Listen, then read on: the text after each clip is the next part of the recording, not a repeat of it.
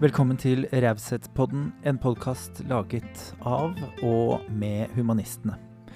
Mitt navn er Tore Petterson, og hvis du vil vite mer om humanistene, så kan du gå inn på humanistene.no. Jeg mener at raushet starter med å dele. Og noen mennesker har gjort eh, det med å dele sin livshistorie og sin livserfaring til et yrke, og en av disse har jeg med meg i studio i dag. Hans navn er Alexander Skalberg og er kjent som en svært karismatisk foredragsholder og forestillingen 'Mannen i speilet'. God fornøyelse. Alexander Skalberg er foredragsholder, historieforteller, prisbelønt. Han snakker om de tingene som vi ikke snakker nok om. Alt fra rasisme, overgrep, fosterhjem og barnehjem. Velkommen, Alexander. Tusen hjertelig takk. Tusen takk. Du, Så fint at du vil uh, besøke meg i, i Raushetspodden. Vi skal snakke om uh, litt forskjellige former på, for, for raushet. Hva du syns er raust. Um, men jeg har lyst til å starte litt med deg først. Du har reist rundt i hele Norge, fortalt folk om din historie. Mm. Hvor startet liksom Kan du huske det? Hvor kom liksom behovet for å, å fortelle en historie? Nei, altså behovet ja, Hvordan det den? det? starta faktisk på um, når jeg studerte helse- og sosialfag på Mosjøen videregående skole, avdeling Skippermoen. Hvor vi da, altså en klasse, da, min klasse, fikk oppgaven om å fortelle hvem vi var, og hvordan vi har da blitt oss i løpet av tida. Ja. Og da eh, fikk jeg liksom muligheten til å eh, fortelle en sånn ordentlig hvem jeg er, da. Og i alle de her falsettene da, eh, i livet, så har jeg aldri liksom fått muligheten til å si egentlig hvem jeg er. Eh, jeg har alltid vært han der kiden som ikke har lest høyt i klassen, ikke har sagt så veldig mye. Så da fikk jeg muligheten til å fortelle. Så da starta det i 2011. da. Tiårsjubileum? Uh, ja. Det er ganske har, kult. Har det vært feira? Nei, det har ikke vært feira ennå. Nå, har vi jo, eh, har vi jo hatt en, en, en, liten situasjon her rundt omkring som gjør at det er litt vanskelig å feire ting. Men uh, jeg har tenkt liksom på at jeg må ta det uansett. Om det blir 11-12 år, så må jeg bare ta det tiårsjubileet, for det skal bli stort. Det er viktig å feire seg sjøl litt? Viktig å feire seg sjøl. Viktig å feire um, at det er muligheter der ute for å snakke om de viktige tingene, da, som psykisk helse. Da. Det er jo superviktig.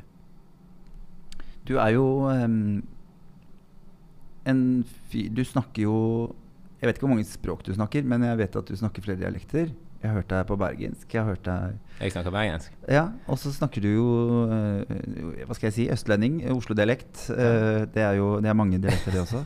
Ofte når du snakker med meg. Ja. Nå er vi på Bodø-dialekt. For det er der du er fra? Nå er vi på Bodø-dialekt. Altså, jeg har funnet ut at jeg, om det er en mikrofon eller om det er et kamera, eller sånt, så har jeg alltid vært opptatt av å liksom, ta vare på den nordnorske kulturen som mm. jeg er i, eller er opp vokst i. da. Um, men jeg er adoptert fra Colombia, så det er jo litt sånn artig at en colombiansk nordlending skal få lov til å ta fart på psykisk helse og de viktige tingene. Men som du sier, det er, det er mange dialekter ute og går. Når jeg snakker med deg, så, så går det jo som regel østlands. da. Mm. Og så flytter jeg til Bergen, så snakker jeg bergensk i to år. Så er jeg jo litt oppe i Trøndelag, da. Så da går det i trønder. Ja. Det Gjør det noe for personligheten din? Blir du en annen person i de forskjellige dialektene? Ja, altså nå har jeg jo tatt en utredelse, så jeg har funnet ut at jeg har fire personlighetsforstyrrelser. Men det er jo litt komisk, da, så det passer egentlig ganske godt. du har liksom funnet en dialekt til hver personlighet? ja. Vil du fortelle hva det går ut på? Nei, altså det, det går jo ut på det at uh, jeg har jo hatt et uh, veldig levd liv, vil jeg si, i veldig tidlig alder. Så um, jeg er oppvokst i en familie som uh, tilsynelatende var veldig fin og veldig flott. Hvor eh, alt stemte godt overens. Vi var den nordnorske familien, adoptivfamilien, da. Um, hvor jeg oppvokste oppvokst med en far som var alkoholiker, og en storebror som begynte å selge sex i en alder av tolv år, og begynte å ruse seg på heroin. Så det er ganske sånn heftig historie. Um, og i det her i denne historien her så, så, blir jeg utsatt for ting, og ting skjer. Og, og, og jeg da eh, ja, ta med meg de her uh, situasjonene videre i mitt liv, som gjør at uh, personlighetsforstyrrelsene uh, både handler om altså alt ifra altså narsissisme til det at jeg har en kreativ tankende form i forhold til hvordan jeg tenker på ting. At jeg av og til kan bli Alexander fire år, som gjerne bare ønsker å bli sett. Og, og hvordan blir man sett som fireåring? Jo, da reagerer man med å kanskje utagere eller eh, si ting man ikke mener, eller bli altså, veldig høylytt. da. Eh, og det er jo ting som jeg har måttet jobbe med det siste året. For at, eh, vi har jo vært inne i en tid hvor jeg har fått tid til å jobbe med de tingene der. Ja. Nå har jeg jo hatt ti år hvor jeg har reist rundt og bare fokusert på å prate om mitt liv, som har gjort at uh, jeg har lagt et lokk på alt. så jeg begynte jo å reise da jeg var 19 år gammel, da, så jeg har jo ikke hatt tid til å jobbe ordentlig med han der fireåringen. da. For han er viktig. Ja, han fireåringen er superviktig. Altså, det er jo han som egentlig jeg kaller det for fremtidens helter, da, de her ungene. Eh, og han fireåringen ble jo ikke sett. Altså, jeg er jo oppvokst på et uh, barnehjem i Kali.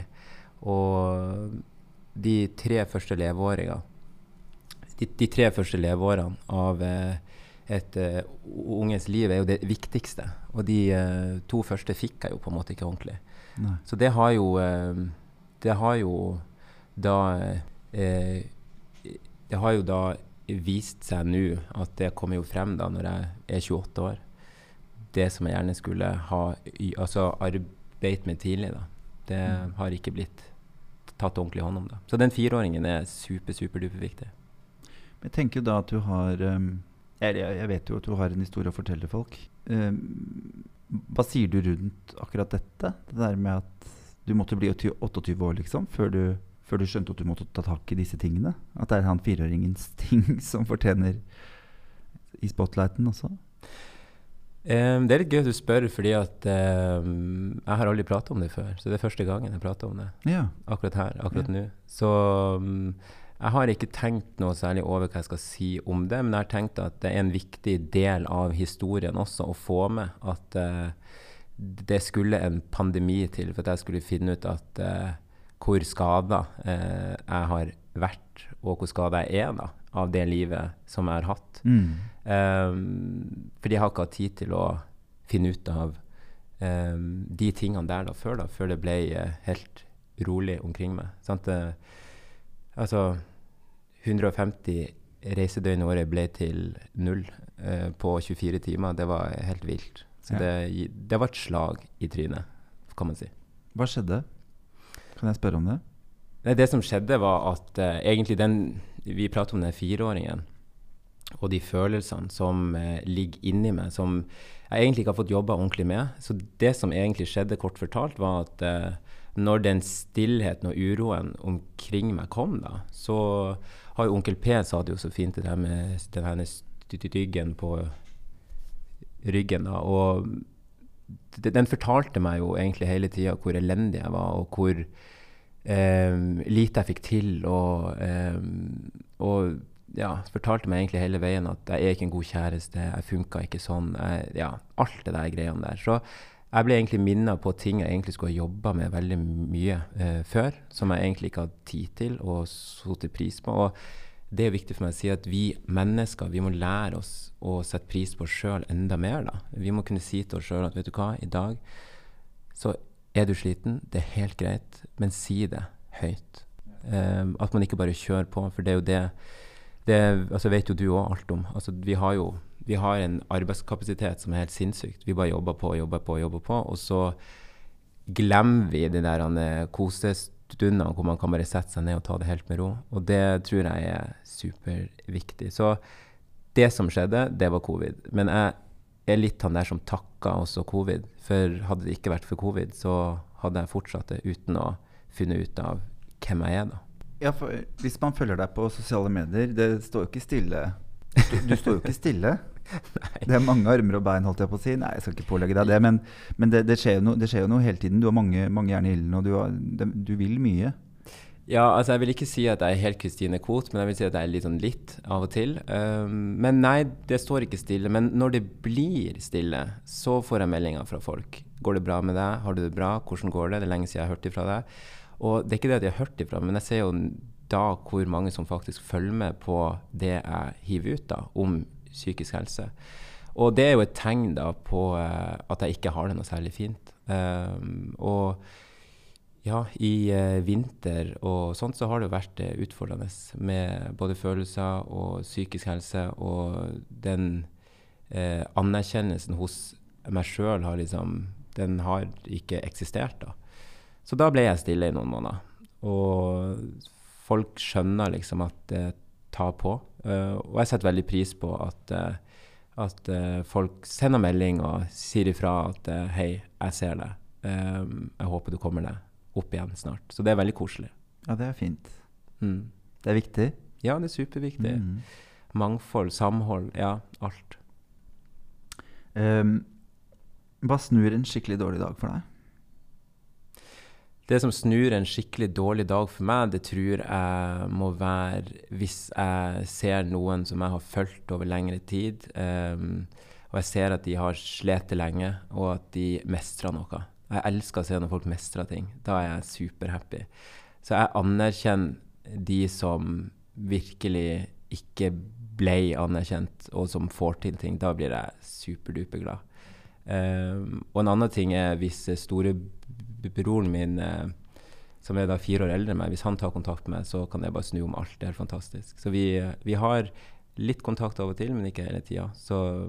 Men det kan snu en hel dag for meg. Det å fortelle historien sin eh, igjen og igjen Du har hatt en teaterforestilling. Du har hatt foredrag. Um, hva gjør du de dagene liksom hvor du ikke orker? Det må, det må, jo komme dager hvor du kjenner at nå skal jeg, nå skal jeg gjennom denne gørra en gang til. Mm.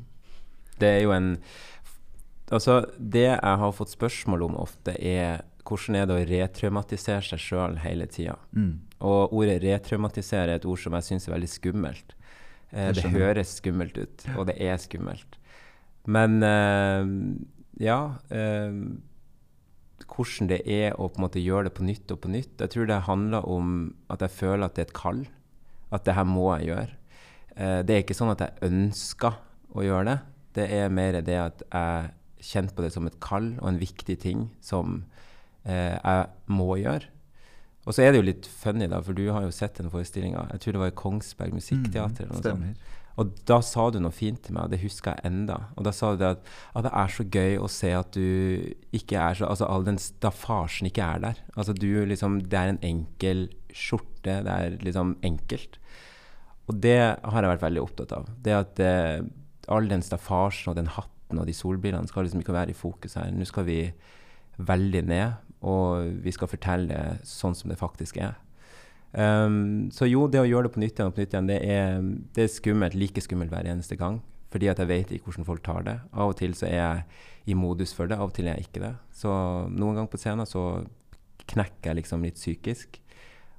Og så var det noen som sa til meg at ja, men det er så fint Alexander, å se at det faktisk betyr noe for deg. Så at, ja, for meg så betyr det mye. Veldig mye. Jeg var i Tromsø, på fylkestinget i Tromsø for sånn to år siden. Mm. Og da er det en ungdom som rekker opp hånda. Og det var ganske tøft gjort å si det når jeg har liksom levert historier om voldtekt og rus og kriminalitet og var skikkelig på, liksom. Um, så sier han det at um, Du, altså for meg så, så, høres det ut som det her er enkelt for deg. Altså det, det høres ut som det går kjempelett å fortelle om det. Og da tok jeg meg sjøl og tenkte sånn Oi, kanskje det var i dag jeg faktisk bare var på jobb. Ja. Jeg bare gjorde det.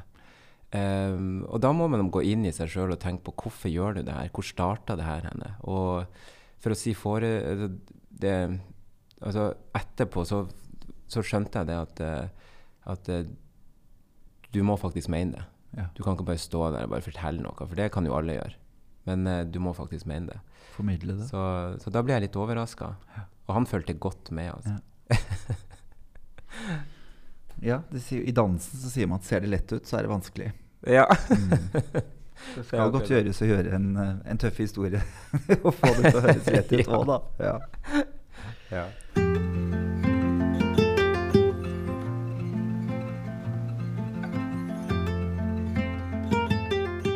Hva er det for deg å være raus? Det å for meg å være raus, da må jeg tilbake til min mor, min Ja. mamma. Hun er jo verdens rauseste person. Um, til tross for det livet jeg skisserer, um, og de opplevelsene jeg har hatt, så har hun mamma alltid vært der. Hun har vært denne kattemammaen som har sørga for mat på bordet hver eneste dag. Um, har sørga for at jeg skal ha det fint, og uh, Eller vi skal ha det bra som familie. Um, så raushet for meg, det betyr eh, egentlig det at man setter seg sjøl til side for at andre skal ha det bra. Ja. Og det gjorde min mor, så det holdt etter. Men det holdt ikke. Og jeg og hun mamma vi har snakka mye om det der Men føler du at du har mislykkes? Og så sier hun jo ja, det har jeg. Ja.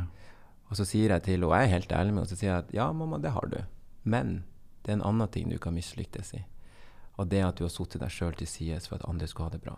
Du prøvde i hvert fall, og så gjorde du det mange mødre ikke hadde tort å gjort. Og det å rekke opp handa og si at hei, jeg trenger hjelp. Og det mener jeg er raushet. Mm. Det å skjønne det og fatte at, at uh, det her klarer jeg ikke alene, til tross for at om at jeg adopterte og at jeg skulle bli mor og uh, alle de tingene der. Så raushet, da bare får jeg én ting i hodet, og det er min kjære mamma. Det er raushet. Ja. Der har jeg mye å lære. Jeg opplever jo at det å fortelle historien sin for at noen andre skal eh, kunne lære av den, som raust. Men er du like raus mot deg sjøl? Å, oh, det er et dårlig spørsmål. Nei, det er helt fantastisk. Jeg hater dårlige spørsmål. Det er et litt vondt spørsmål. Uh, ja, det er faktisk et ganske vondt spørsmål. Nei, um, jeg skal være ærlig og si det at de ti årene hvor jeg har reist rundt med 150 reisedøgn og bare kjørt på, så har jeg ikke vært raus med meg sjøl. Jeg har gitt av meg sjøl til uh, alt og alle, og um, har bare levert historien gang på gang på gang. Um, men det måtte, som fortalt litt tidligere, det måtte en, en uh, pandemi til for at jeg skulle skjønne det at uh, livet er faktisk her og nå. Det er deg sjøl det handler om. Og jeg er veldig glad for at det ikke gikk så langt som det kunne ha gått. Og jeg er veldig glad for at jeg sitter her i dag, for det, kanskje ikke det var meninga. Så um, jeg har lært meg det at jeg skal bli rausere mot meg sjøl. Jeg skal ta pauser, og så skal jeg nyte de stedene jeg er på. Nå har jeg fått eh, foredrag opp igjennom her nå eh, til høsten. Jeg skal til Finnmark, jeg skal til Nordkapp igjen. og Sist gang jeg var der oppe, så eh, kjørte jeg i hu og hast opp til da den eh, Nordkapp-platået. Ja. Jeg hadde liksom ikke tid til å oppleve ting. Jeg skulle bare oppleve den ene tingen. Så nå så skal jeg kjøre opp der sakte og rolig og bare se hvordan ting faktisk er. Og jeg skal nyte ting mer. Jeg skal være mer raus da. Mm. Og få med meg mer lokal historie. Jeg skal ha liksom litt tid til de tingene der. da. Og det vil jeg si handler jo også litt om det å være raus da, med seg sjøl. Også om det å ta vare på eh, altså seg sjøl. Hvis, hvis jeg kjenner at jeg er sliten, så skal jeg faktisk få lov til å føle på det. Og altså bare si at vet du hva, i kveld så bare må jeg ta det med ro. Jeg tror det er viktig. Mm. Så nei, jeg har ikke vært flink på det, men jeg har lært meg det. Ja. At jeg skal være Ja. flinkere til det. Jeg tenker, ja, det må alt, jeg tenker jo det meste må læres. Det er lite vi Kanskje kjærlighet vi er født med. Mm. Mm, eller i hvert fall tillit. Jeg, jeg er veldig flink til å gi kjærlighet. Jeg er veldig flink til å anerkjenne andre folk. Føler jeg sjøl, i hvert fall. Mm. Uh, men jeg er veldig dårlig på, egentlig, å si til meg sjøl at hei, fy faen, du er god nok sånn som du er. Det er jeg dårlig på. Jeg skulle gjerne blitt flinkere til det. Gjør så godt man kan. Ja. Spis burger på Mækkern, sier jeg bare. Lev livet. Lev livet. Hvis det er det man behøver, da. Um, er du flink til å ta imot komplimenter? Nei. Nei. Utrolig dårlig på å ta imot komplimenter. Jeg fikk kompliment i går, eh, og egentlig så hvis, du, hvis jeg tenker tilbake på det, hvordan jeg har hatt det nå når jeg holder på her i Oslo og sånt, så har jeg en litt sånn kontroversiell klesstil. Så jeg, folk kommenterer litt sånn Oh my God, that's so nice. Og, så sier jeg sånn Oh my God, thank you. Og blir litt sånn flåsatt. Så nei, jeg er veldig dårlig til å ta, ta imot komplimenter. Jeg skulle gjerne vært flinkere og ikke følt på den følelsen. Og når du skryter av andre, så blir det en sånn påtatt greie. Jeg skulle gjerne ha gått mer inn og bare hatt litt mer tid til å ta imot komplimenter. Har du Men er det- tips? Ja, jeg tenker, nei, men det jeg synes var litt gøy at du gikk over til engelsk med en gang du skulle snakke om komplimenter. Det er lettere på Det er lett, lettere på et annet språk. Ja, det tror jeg. Well, thank you, girl. Yeah, oh my god, it's just like so amazing. Oh god, yeah. you- Nei, men det er Jeg syns det er kleint. Jeg syns komplimenter er en sånn klein greie. Og så sier jeg til andre sånn Ja, men da sier du takk. Altså, sant? Jeg lærer jo opp andre til å ta imot komplimenter. Men jeg skulle gjerne vært flinkere. Ja, det skulle jeg vært. Men jeg sier takk. Det gjør jeg. Uh, og det syns jeg er bra. Ja. Så jeg, jeg tar til meg at jeg sier takk. Eh, men jeg skulle gjerne blitt flinkere til å Jeg vil ikke si at, å mene det, men jeg skal være flinkere til å synliggjøre at jeg setter veldig pris på det. Eh, det er lettere bak et tastatur, føler jeg. For da kan du skrive 'tusen takk for at du så historien min', eller 'takk for at du engasjerer deg', og sånn. Det er litt rart å si det ute på i Oslo, liksom. Face to face. Ja, 'Takk for at du engasjerer deg i klesstilen min'. Jeg kan ikke si det til noen. nei, nei, skjønner jo det. Jeg tenker vi må ta en runde på den klesstilen din, fordi eh, i gamle dager så kalte man det jo uh, metro. Husker du det ordet, eller var det før de Metro. Jeg tenker bare med en gang på T-bane. Ja, ikke sant? Ja, Ja. Nei, fordi man kalte det liksom metroseksuell eller noe sånt. Eller, eh, som, som kanskje ja, svenske gutter er veldig gode på, da. At de enten er en homo eller så er det svensk. Ja. fordi det er liksom fordi Jeg kan jo forklare for de som hører på, da. Du kommer jo i hatt. Du har alltid kule briller på. Eh, du er glad i klær.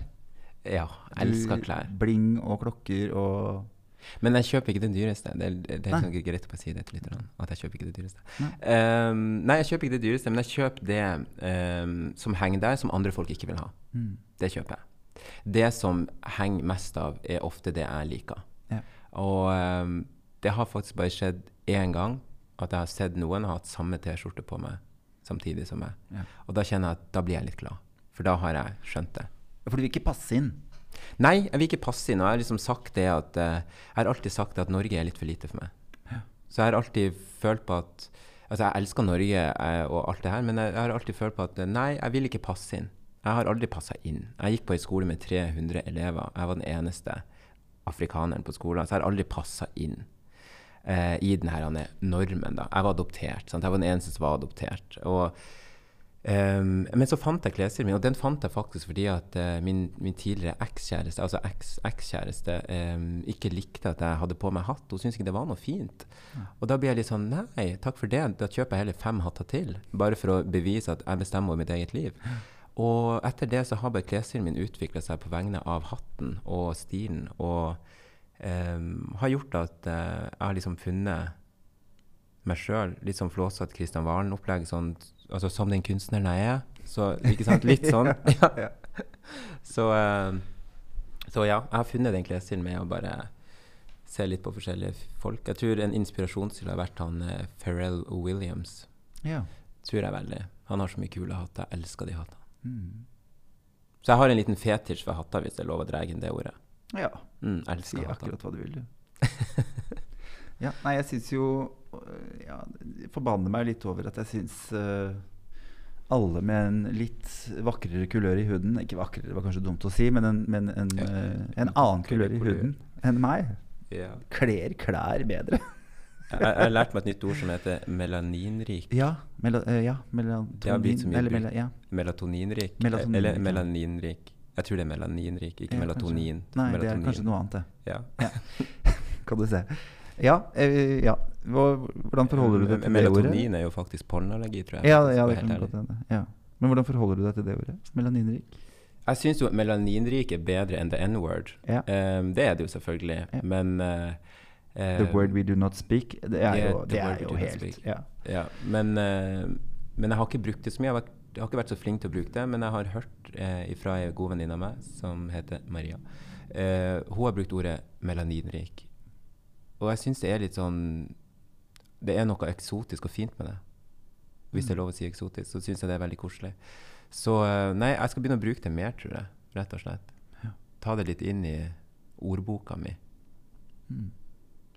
Men eh, ja, og så er det jo altså Nå når vi altså er på klær og sånn, så tenker jeg det at klær beskriver jo veldig mye av den personligheten man har, hvordan man liker å eh, fortelle verden ute hvordan man har det. Og den siste tida har jeg vært veldig opptatt av å bruke farger mer enn enn ikke. da. Jeg var veldig flink før til å ikke bruke farger. Og nå ser jeg jo hvor mye farger gjør med meg. da. Jeg syns det er kjempegøy. Men så er det jo mange som spør meg sånn Men er du, er du han Eller, eller er du eh, hetero, eller er du bi, liksom? Eller er du gay? Og så blir jeg litt sånn Nei, jeg vet ikke. altså, Jeg, jeg tror ikke vi skal plassere hverandre i sånne kohorter. Det er jo også et ord jeg har lært meg i pandemien. Ja, nye, nyordet. Mm. Kohort. Um, så jeg har bare funnet ut at uh, ikke plasser meg steder. Jeg heter Alexander, og uh, det er liksom den personen jeg er. Jeg vil ikke bli plassert steder, for da skal det liksom avgjøre hva jeg kan gjøre for noe i mitt liv. Men du er jo fargeklatt, blir jeg, har jeg fått på meg. Jeg, ikke, jeg, jeg jobber litt med hva jeg syns om det ordet. Hørte du det, mamma? Han kalte meg fargeklatt. Fargeklatt. Ja, Tore Petterson kalte meg fargeklatt. jeg vil bare ha det helt klart. Um, og du er melaninrik. Opplever du mye stigmatisering? Ja, Ja. det gjør man. Og man opplever veldig mye stigmatisering eh, med tanke på hudfarge, hvordan ting er, både i ja, mediebransjen, eh, hvem som skal passe inn, eh, hvordan skal vi gjøre det her, om det skal være en homo eller en altså melaninrik person med, eh, eller skal vi ha bare? Altså det, er det er aldri bare, det er alltid én. Eh, så man opplever det hele veien, og så er det en veldig sånn fin, morsom ting. Eller egentlig litt tragikomisk, faktisk. Og, og det hører jeg ofte, er at når folk møter meg, så er de sånn Ja, du snakker jo nordnorsk, men eh, hvor er du egentlig fra? Ja. Og ordet 'egentlig' Med en gang folk sier 'egentlig' Jeg vet ikke mener det, men bare med en gang de sier ordet 'egentlig', så skaper det en avstand mellom meg og den som faktisk sier 'egentlig'. For da blir jeg liksom sånn Ja, hva mener du med 'egentlig'? Uh, og da sier jeg liksom Nei, jeg er fra Nord-Norge, og jeg er oppvokst der. Nei, men sånn egentlig. Jeg tenkte på Colombia, da. For jeg er fra Colombia. Om det var viktig for deg å vite hvor jeg egentlig er fra. Så det er et ord som jeg mener vi må bli flinkere til å ikke ta med oss når vi snakker med folk, og heller bare spørre om andre ting enn å vite egentlig. For det skaper en sånn avstand som er veldig tydelig. Og jeg tror ikke folk tenker på det. Og Nå skal ikke jeg holde på med sånn opplæring her, men jeg bare Nei, men jeg syns det er fint. Jeg Jeg, jeg, akkurat det syns jeg er vanskelig selv. Jeg, jo, jeg spør jo fordi jeg er interessert mm. um, i menneskers historie, på en måte. Det er, Ja, det, ja. det, det er det det handler om Ja, for meg. Da. Og jeg har spurt det spørsmålet før. Hva spør man om da? Og så får jeg sånn Nei, du spør ikke. og så blir jeg sånn Men jeg vil jo, jeg vil jo vite hvem du er, liksom. Har, du, liksom en, har du et alternativ? Hvis har- man er ordentlig interessert men Alle skal jo ikke drive og vite alt om det, jeg skjønner jo det, men hvordan går det an å få vite det det, Skal man bare droppe å snakke om det? Har de hatt rett, alle, som har, alle jeg har spurt? Nei, selvfølgelig. Man spør jo av nysgjerrighet, men jeg tror det går an å, å, å på en måte legge det frem på en annen måte. Ehm, og så går det heller an å bare vente til at vedkommende kanskje sier det sjøl. For det kan godt hende at vedkommende er født oppe i Harstad eller oppe i Nordkapp. Og altså, sånn er det. Og det å være født altså, og ikke føle seg helt tilfreds, det kan jo hun Märtha Louise alt om, på en måte. Hun har jo fortalt mye om det. Um, og, men jeg har en sånn litt artig historie fra eh, faktisk teaterforestillinga som jeg hadde. Um, og der var det Jeg var og handla i butikken, jeg tror du husker den historien. mm. Hvor det står en unge rett på sida av meg, og så bare ser han på meg, og så ser han på faren sin. Og vi står i køen, da, og jeg skal betale og sånn, og så sier han det at uh, Pappa, er det dette du og mamma kaller for human chocolate? Oi. Og ungen bare sa det out loud, liksom. Altså uten å tenke seg om. For unger er unger. Det er jo det mest skjønneste som fins. Og så måtte jeg bare sette meg ned på huk, og så ser jeg på han, og så sier jeg Dette er ikke din feil. Og så så jeg på faren, og så betalte jeg, så gikk jeg. så det er jo litt morsomt bare Ja. på tanke på hva sier vi hjemme. Altså, sant? Hva sier vi ved eh, i de situasjonene hvor ungene hører på, og, og hvordan velger vi å forme det. Og er det sånn at eh, er det sånn at vi kanskje skal tenke mer på at vi ikke skal lære ungene våre at hvitt er bedre enn sort, eller hva gjør vi? Og det her skjer jo, så det altså, Jeg tror vi bare må tenke over hva vi gjør. Mm. Og hva vi sier. Opplever du at det er blitt verre? Eller er det samme, eller er det Jeg opplever at det er det samme, jeg opplever ikke at det har blitt verre, men jeg opplever at vi fortsatt står i ro. Um, og jeg er veldig glad for at uh, The Black Lives Matters-kampanjen uh, tok av internasjonalt, og ikke kun i USA. Fordi at historiene her har jo også kommet fram, at det skjer ting. At det er ting. Jeg har også mange historier om at jeg kanskje ikke skal snakke om psykisk helse i et land jeg har kommet til fordi at jeg er heldig som har kommet hit. Og hvordan kan jeg si at, uh, at jeg ikke har hatt det fint i Norge? når jeg, liksom Alle de tingene der som er så flåsete. Um, men jeg er veldig glad for at vi har hatt og har en kampanje som folk enda er opptatt av. Jeg er veldig opptatt av det. At, uh, at alle skal føle seg altså, altså velkommen, da. Men så er det jo fortsatt sånn at hvis du søker jobb og heter Ahmed uh, og konkurrerer med en som heter Adrian, så er det han Adrian som faktisk får arbeidet, ikke han som heter Ahmed. Sånn er det faktisk enda i dag, og det er veldig synd. Um, så vi har masse vi må gjøre, masse vi kan ordne på og fikse på. Vi er ikke perfekte, og det tror jeg er viktig at vi husker på. Mm. Enig. Enig. Enig. ja. Nei, men det er godt. Hvor kommer hatet fra, tror du? Fremmedfrykt. Mm. At man ikke um, At man ikke er så opptatt av andre kulturer da, som man egentlig skulle ønska. Jeg er jo veldig opptatt av kulturer. Jeg syns kulturer er veldig gøy. Um, jeg har både indiske venner, eh, afrikanske venner eh, ja, av, Fra alle kulturer. Jeg er folk som er superkristne, og da mener jeg superduperkristen. Og, og jeg syns det er så koselig, fordi at eh, til syvende og sist så er vi alle like, på en måte. Vi er alle equal. Eh, altså jeg syns vi alle er sånn Vi må ta vare på hverandre, og vi må interessere, hver, eh, vi må interessere oss for hverandre. Og um, Så jo, hvor kommer hatet fra? Var ikke det du spurte om? Mm. Jeg tror det kommer ifra at vi er redd. Ja. Vi er redd for at ting skal endre seg. Vi er redd for forandringer. Vi er redd for at uh, um, Som jeg hørte en en mann sa, jeg skal ikke fortelle hvem det er, eh, han sa det at eh, han er redd for at den sorte rase skal ta over hele Oslo. Og han er redd for at det skal ta over hele demokratiet. Poenget mitt er at det er ikke sånn vi må tenke. Vi må tenke at vi er en enhet, og vi skal jobbe sammen for å skape et åpenhet samfunn som snakker om de tingene som er faktisk viktige. Mm. Ikke bare politikk og penger.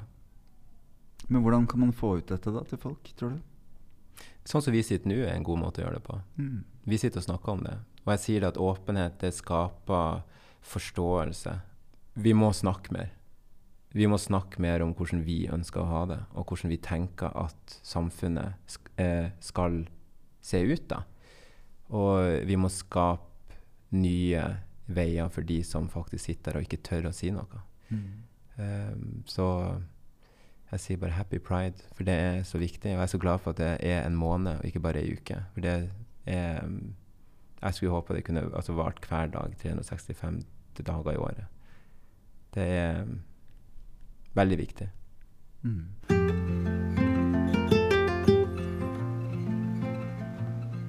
Hvis du skulle gitt et råd til uh, de som sitter og hører på, som har lyst til å være litt rausere én ting.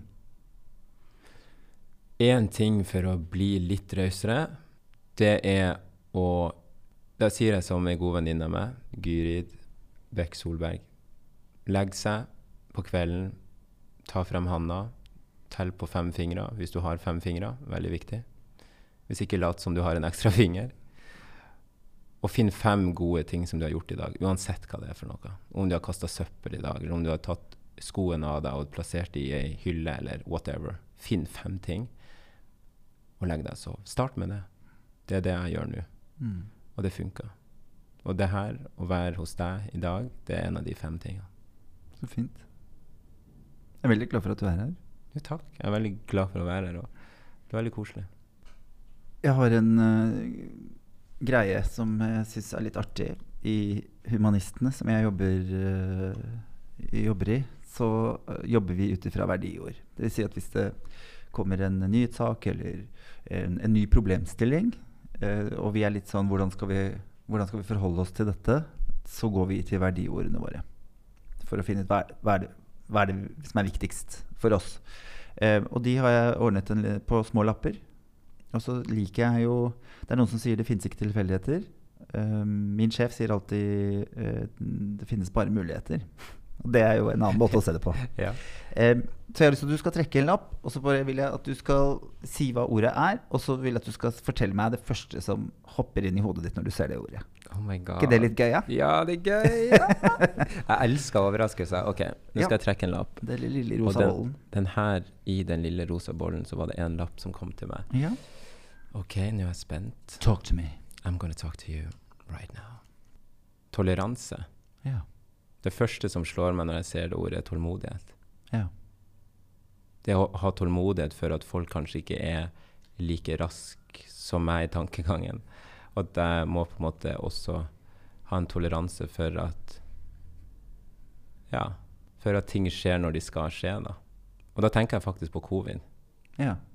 At jeg må ha en toleranse for at det som skjedde i covid, skjedde i covid for en grunn.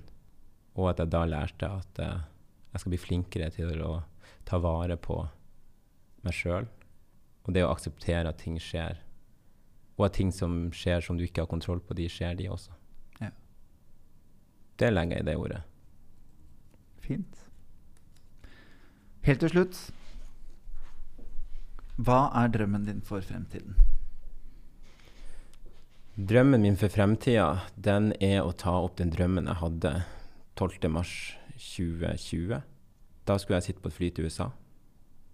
Jeg skulle holde et foredrag for Jeg skulle holde fire foredrag for Department of Children's and Families, Fint. fosterhjemsavdelinga, over i delstaten Massachusetts, Mm. Boston. Drømmen min er å reise til USA, holde foredrag i hver eneste delstat. Fordi at jeg mener at psykisk helse og den historien som vi har, jeg sier familiehistorien, er så tidløs. Og det fikk jeg en pekepinn på når jeg var i USA, i et møte der. At det her er historie som må også fortelles der. Så eh, det er min drøm. Reise til USA, holde foredrag. Go out in the world, take my hat with me, and just do it. Skulle vært en sang. Ja, kanskje det. Kanskje det blir en MGP-låt. Ja, kanskje du skal Ja. være med i Grand Prix. Nei. Nei. Nei, jeg tør ikke, men jeg har veldig lyst. Kanskje jeg skal gjøre det en gang, det òg. Bare for å ha gjort det. ja. Er jo, ja, du er jo en fyr som kaster deg på ting, øh, opplever jeg. Men så gæren som deg er jeg ikke. Så jeg tenker at eh, hvis jeg skal gjøre det, så må jeg sånn Oh my god, ja. Det hadde vært gøy. Ja, ja nei, det var en del opplevelse, det. Men, øh, men jeg tenker jo at livet handler om øyeblikk, gjør det ikke det? Det handler om øyeblikk, og vi må eh, gripe de øyeblikkene. Tusen takk, Alexander Skadberg, for at du ville besøke min lille Refsets pod. Vår lille. Tusen hjertelig takk for at jeg fikk komme. Jeg føler meg faktisk mer raus når jeg går ut herfra. Ja, men det håper jeg. Det gjør jeg virkelig. Det håper jeg lytterne også gjør etter hvert. Veldig Altså, koselig. masse Jeg sier break leg. I bransjen vår så bruker vi ikke lykkeordet så, så mye. Både med USA-tur og eh, videre arbeid med, ja, med foredragene dine og alt du engasjerer deg. Og tusen, tusen takk for at du fins. Takk for at jeg fikk komme. Og for at du gir masse raushet til alle rundt deg. Tusen hjertelig. Du har nå hørt på Raushetspodden, en podkast produsert av og med Humanistene. Hvis du vil vite mer om Humanistene, så gå inn på nettsidene våre på humanistene.no. Tusen takk for at du hørte på.